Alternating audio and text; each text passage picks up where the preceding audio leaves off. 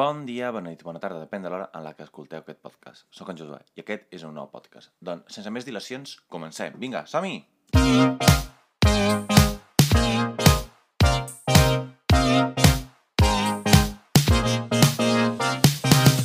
Molt bé, doncs després d'uns quants dies que no he fet cap podcast, aquesta vegada són menys dies que no pas l'última vegada, doncs avui us parlaré d'un nou tema i aquest tema eh, fa referència més aviat a la televisió pública de Catalunya, a la ràdio, tot això.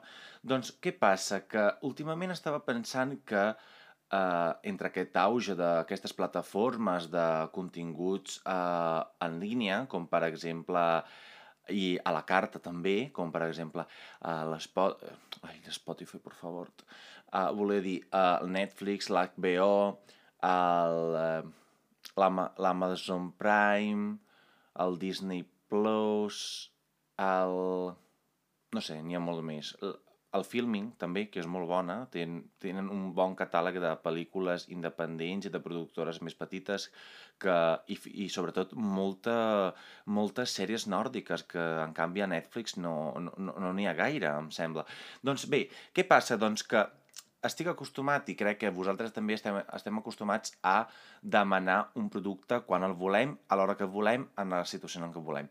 I llavors, clar, el, el consum de productes en real time, en, en directe, com pot ser la televisió, doncs és un producte que ja ve a menys perquè, clar, no hi ha competència entre una cosa que pots demanar en el moment i, i, i obtenir en el moment en què tu vols i no pas una, una cosa que tu has d'estar asseguts o, o almenys amb els auriculars posats en el moment en què s'estrena i s'està fent en viu.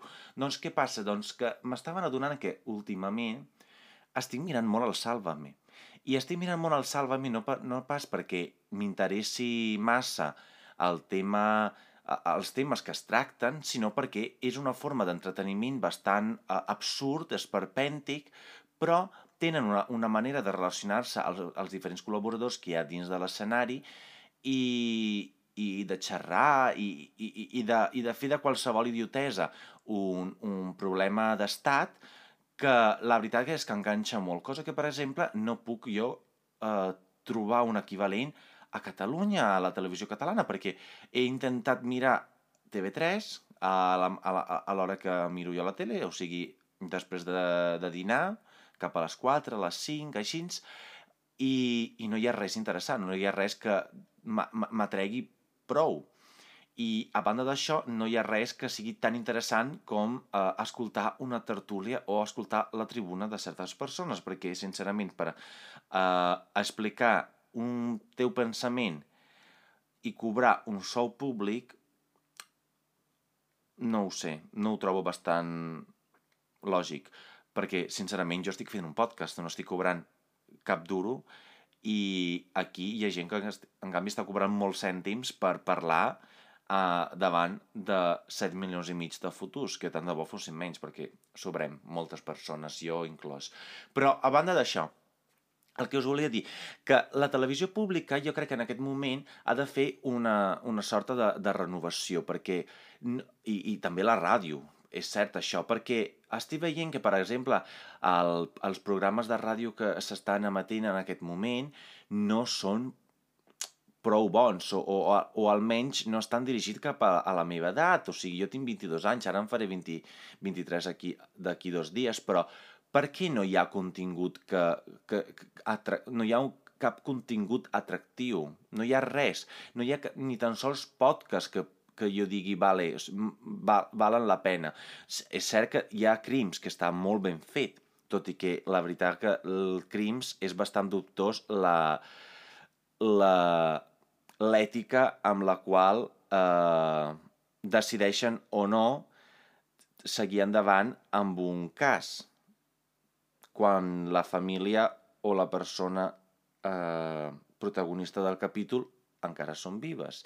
Però, a banda d'això, per què no hi ha cap, cap, cap programa d'entreteniment? I a banda d'això, per què no hi ha res pels joves? O sigui, jo sé que, no va, que vaig créixer a Itàlia, a Itàlia és un estat, és un país, tenim una llengua pròpia, que és l'italià, no tenim altres llengües que no siguin l'italià, tot i que n'hi ha, ha gent més, però és cert que jo vaig, vaig créixer amb la televisió en italià. I aquí, segons m'expliquen moltes persones, aquí molta gent no sabia que Bola de Drac també estava, tra estava traduït en castellà, o bé es sorprenien quan amics que venien de fora, els nous, els nous arribats a l'escola, deien noms de personatges de Bola de Drac en castellà i deien no, no, això no pot ser, perquè Bola de Drac el personatge es diu tal i no és Pasqual, és tal i punt, perquè bola de drac és així, i és una cosa que dius, vale, és, és així, però perquè eh, en català sempre s'ha dit així i en castellà, en canvi, sempre s'ha dit així, tot i que és cert que primer va venir la versió en català i després va venir la versió en castellà, segons uh, fonts que m'expliquen. Però a, a, a, arran d'això, el que anava a dir, per què no hi ha contingut pels joves? Per què no hi ha res que puguem consumir o que puguem dir, per exemple, hem d'estar pendent de la televisió a les 8 del vespre per mirar tal cosa, perquè ens agrada i volem seguir-la cada setmana, cada dia, cada, cada no sé quan. I, I és una cosa que no he, entès, no he entès mai, perquè jo entenc que, o sigui, que el gruix de la població deu superar als 40 i pico d'anys, que sincerament, ah, ho sento molt, però joves ja no ho són, no, ja no ho sou. O sigui, a, a partir dels 40 ja sou adults. I això de que a partir dels 40 ja som, és la nova joventut i no sé què... Ok, boomer. Però, i jo ho dic des de, o sigui, jo des de, des del més profund respecte perquè ma parella en té 43, així que ja, que, que, que voleu que us digui jo dels 40 anys. Però és aquest el tema. I per què els continguts que suposadament són de joves no són pas de jove o bé són tan dolents que no es poden pas escoltar?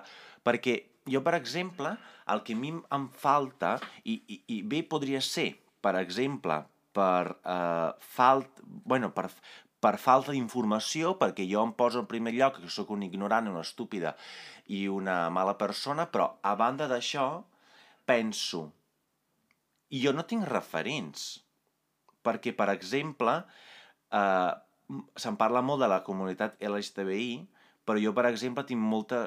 O sigui, jo puc compartir la lluita, però tinc molt, molt poques coses a compartir, per exemple, amb una dona cis lesbiana.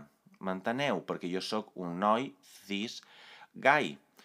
I, i, i per exemple, en aquest moment eh, em falten referents, em falten referents, o sigui, em falten persones de la meva edat potser seré jo el primer, el pioner, que és, que és jo. Però em falten aquestes persones que em donguin la seva opinió, que estiguin a, a, a peu del canó, però que també em representin. Que primer ja m'agradaria que fos un representant de la comunitat LGTBI i segon ja que fos un representant ben específic de, de, de, de, del col·lectiu gai i, i, i llavors em falten aqu aqu aquestes persones joves que siguin de referència, que jo em pugui veure reflectit en aquestes persones, en el seu pensament, tot i no poder-lo compartir de, a, a, del tot. Però aquest és el tema. Llavors sempre... Ara, jo no puc estar investigant sobre les personalitats de, de la, de, de, dels mitjans, ni, ni si són gai, lesbianes, heteros, eh, transexuals, i qualsevol cosa Ah, gènere fluid, també, que me n'oblido, intersexual, pansexual, asexual... Uh, però, clar, a mi, per exemple, em falta que, a, aquest punt de dir, vale, jo sé que jo sóc una persona que tinc 22 anys i, i em sento com si en tinguessi 60, però em falta veure'm reflectit en una persona que en tingui 20 també, o 25, o 30, va, tot, tot estirar 30, però clar, ja 30 ja em queda una mica lluny, perquè encara me'n falten 7 i 20, 20 dies per tenir-ne 30.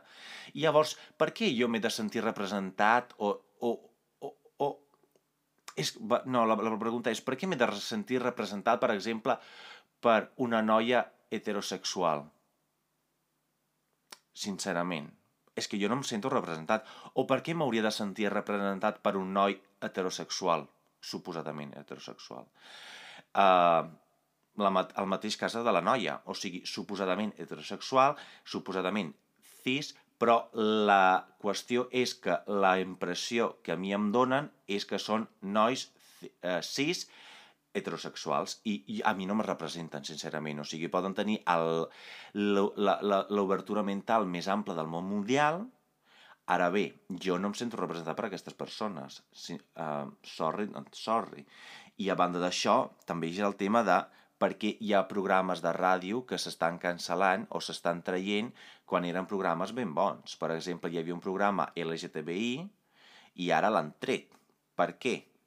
No som, eh, per exemple, eh, la primera comunitat entre periodistes i traductors i i patinadors, eh, ara estic fent categories de, de les que m'estan sortint aquí eh, al cap, eh, una mica a l'atzar, però no som com a la primera comunitat en, en el món de l'audiovisual, o sigui, al final, en el món audiovisual, qui no s'ha xupat una polla sent un home, xupant una polla a un altre home? Sincerament, és que aviam, és molt difícil.